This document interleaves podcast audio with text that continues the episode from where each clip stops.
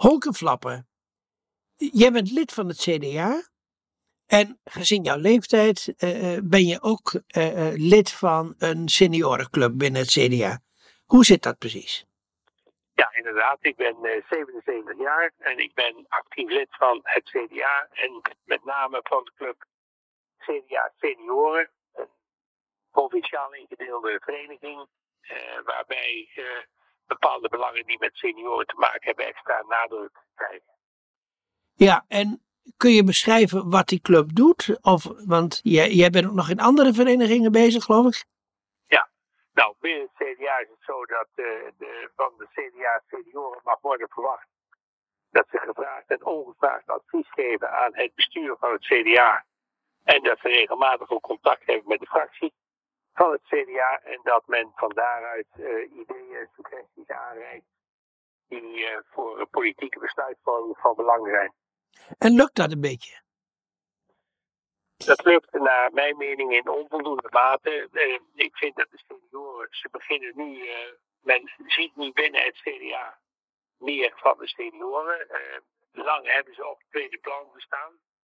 Terwijl ze in feite een groot gedeelte van het kiezersvolk en van het ledenbestand uitmaken. Eh, maar hun positie was eh, niet, eh, was niet goed gewaardeerd. En dat is nu een stuk beter. Dus Nou, het, het, het zijn toch zo'n beetje de, de, de laatste der Mohikanen die nog in het CDA zitten. Want alle handgroeperingen, zoals de boeren bijvoorbeeld, die zijn al vertrokken. Ja, je valt niet te ontkennen. Het CDA heeft steken laten vallen in het verleden. En dat is ook te zien in het zetelaantal wat we nu hebben bereikt. We hebben ooit in de 40 zetels gehad en nu zijn we op 15. En, de, en de, de peilingen geven aan dat we nog verder naar beneden gaan. Dus dat gaat niet goed landelijk. Nee, dat klopt.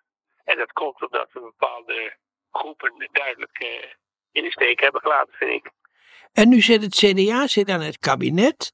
En nu gaan ze de ontkoppeling, eh, of de koppeling met eh, het minimumloon van de AOW, met het minimumloon, dat wordt losgelaten.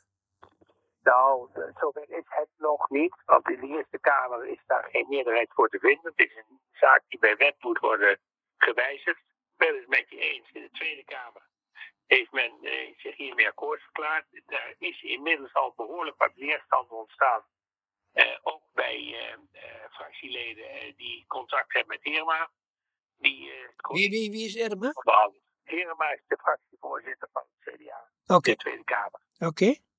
En dat was ook de man die de onderhandelingen Oh, Erma, Oh, sorry. ja, over het co- coalitieakkoord. Ja. Maar hoe haalt het CDA eh, eh, het dan in zijn hoofd om namelijk de AOW los te koppelen? Nou, laat ik zo zeggen, het is niet specifiek het idee van het CDA. Het CDA heeft wel eh, om, om eh, begrotingstechnische redenen hiermee ingestemd. Want het handhaven van de koppeling met het minimumloon bij die eenmalige verhoging van 7,5 procent, want daar gaat het om. Eh, dat zou 2,5 miljard kosten. En eh, men achtte dat te veel in het kader van de begrotingsbesteding. Nou, daarover hebben wij aanvullende voorstellen ingediend. Maar, maar, maar schets nu eerst eens eventjes van, eh, eh, eh, als ik goed ben ingelicht, dan hebben de ouderen in, in de afgelopen twintig jaar al behoorlijk veel achterstand opgelopen. Ja, de ouderen die hebben in feite door het niet indexeren van de pensioenen, hebben ze een achterstand opgelopen die ongeveer in de orde van 25% is. Voor zover het is bij de grote pensioenfondsen. Er zijn bepaalde kleinere pensioenfondsen die wel hebben geïndexeerd, maar de grote niet. Ja, dan klopt, dan is de achterstand van 20, 25%. Dat is correct. Maar goed, maar dat zijn dan de mensen die, die tenminste een pensioen hebben. Maar er zijn ook ontzettend veel ouderen die alleen maar AOW hebben. En hoe, hoe zijn die erop achteruit gegaan? Nou ja, kijk, eh, ik moet zeggen dat ik de cijfers niet exact in mijn hoofd heb van wat de inflatie is geweest in de afgelopen jaren.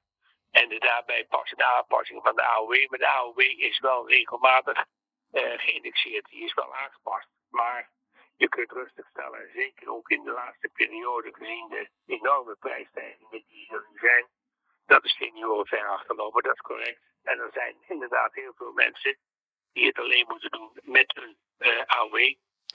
Maar het is natuurlijk ook een principe kwestie. Van als je namelijk de, eh, de AOW loskoppelt van het minimumloon. Dan dat betekent namelijk dat er in de toekomst ook veel gemakkelijker uh, loonsverhogingen kunnen plaatsvinden, waarbij de AOW'ers gewoon niet worden meegenomen.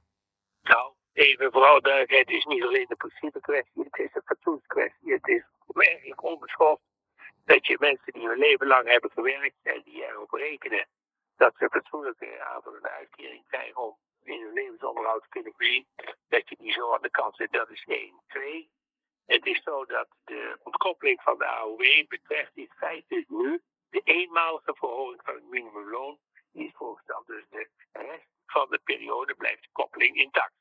Maar okay. wij maken bezwaar tegen het feit dat bij die eenmalige verhoging van 7,5% de AOW niet wordt gekoppeld. Maar alleen al dat men de neiging heeft om de AOW op achterstand te zetten, dat, dat is uit den boze. Want dit is namelijk de generatie die nu van de AOW uh, geniet, die er zelf ook voor betaald heeft. Nou ja, je zegt geniet, uh, zet dat met de aanhalingstekens. Uh, het verhaal is duidelijk dat inderdaad deze mensen hebben gewerkt, die hebben gespaard voor, voor die hebben een, via een omslagstelsel hebben die dus een eh, premie betaald voor de AOW. En daarmee hebben ze een uitkering eh, hebben ze recht op. Het aanvullende pensioen is een ander verhaal. Daar is apart, dus een apart regeling, apart voor betaald.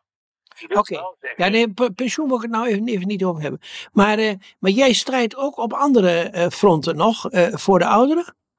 Ja, ja, wij zijn met name bezig op het gebied van de zorg, op het gebied van de huisvesting, seniorenhuisvesting met name, de veiligheid en de mobiliteit. We stellen vast dat bijvoorbeeld veel senioren in omgevingen terechtkomen waar nauwelijks voorzieningen zijn, waar het openbaar vervoer slecht is geregeld, uh, waar de veiligheid niet uh, goed op orde is.